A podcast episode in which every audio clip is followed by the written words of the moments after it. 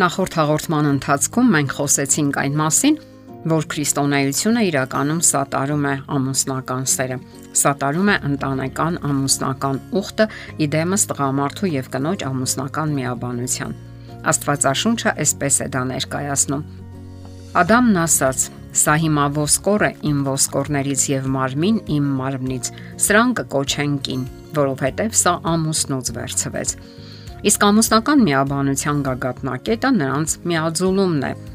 Աստծո խոսքում կարդում ենք. Տղամարդը կհարի իր կնոջը եւ մեկ մարմին կլինեն։ Նախորդ հաղորդման ժամանակ մենք խոսեցինք ամուսնական սեռական հարաբերության մասին, թվարկեցինք նրա դրական ազդեցությունը մարդու հոգեբանական եւ ֆիզիկական առողջության վրա։ Շարունակենք դրական նոտայով։ Այսպես, սեռական հարաբերությունը միաբանում, ամրացնում է ամուսիններին։ Առողջ լիակատար հարաբերությունը հիմնված է միմյանց լսելու, միմյանց հաճույքներն ուսումնասիրելու եւ փոխադարձ սահմանները սիրով հարգելու վրա։ Այն հաճախ անվանում են սիրային խաղահրապարակ, որտեղ խաղացողները ամուսիններն են։ Խաղը ենթադրում է միասին խաղալու, կատակելու, շոյելու, դիմացինին բավարարելու եւ հաճույք պատճառելու հրապուրիչ ուրախությունը։ Այդ կողմերը չեն փնտրում միայն իրենցը, այլ համբերատար նաև տալիս են դիմացինին եւ նման միաբանությունը հանգստացնող է մխիթարող եւ տրամադրող որ ամրացնում է ամուսինների թուլացած կապերն ու հարաբերությունները։ Այդ միաբանությունն ունի նախ երգանք, երբ կողմերը տրամադրվում են հետագային։ Սեռական փափագը դրական զգացողություն է։ Բոլորս էլ գիտենք, որ համեղ կերակուրին սпасելը դրական զգացողություններ է պատճառում մեզ։ Մենք կարծես կանխավայելում ենք այն։ Երբեմն սկսում են աշխատել մեր մարսողական գեղձերը։ Այդպես էլ սեռական ցանկությունն է դրական սպասումներ ու զգացողություններ առաջացնում եւ բարձրացնում միաբանության որակը։ Եվ սեռական ցանկությունը պետք է գնահատվի որպես Աստծո կողմից տրված շարժիչ ուժ ոչ միայն ծննդաբերելու, այլև խոր համատեղություն ապրելու զգացողություն, որն ամրապնդում է ամուսնական հարաբերությունները եւ ներթափանցում ու կարգավորում համատեղության յուրաքանչյուր պահ։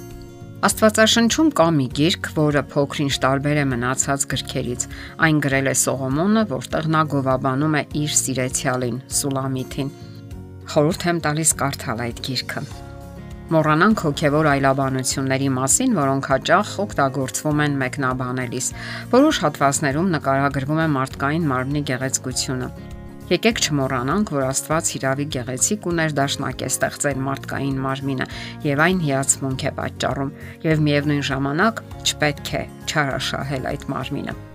Այդ գրքում երկ երկոցում նկարագրվում է մարդկային սերը միմյանց հանդեպ, տղամարդու եւ կնոջ իդեալական սերը, կարոտը, զգացմունքների լեցունությունը, որ հորդում է անապ Այդտեղ մենք տեսնում ենք բանաստեղծական գեղեցիկ նկարագրություններ, սիրո բարձունքներ, գրված գրական լեզվով եւ էրոտիկայի հյուսվածքով։ Երկերկոցը ներշնչված ստեղծագործություն է, որը թափանցում է մարդկային հոգու խորքերն ու տենչերը, հորդորում վայելել ամուսնական զուգընկերոջ հմայքները։ Ամուսինները կարդալով այդ գրքից հատվածներ կարող են իրենք էլ գովաբանել միմյանց մարմնի առանձնահատուկ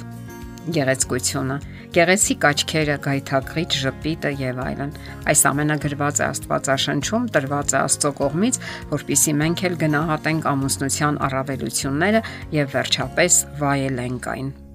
Աստվածաշնչի մնացորդած գրքում նշվում է երկրային պատմության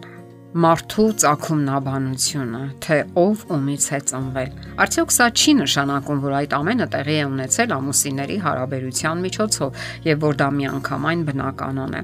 Մեզ համար անծանոթ տարօրինակ անունների երկար թվարկումների ցակումնաբանության հիմքում, թե ով ում է ծնել, սեռական հարաբերությունն է։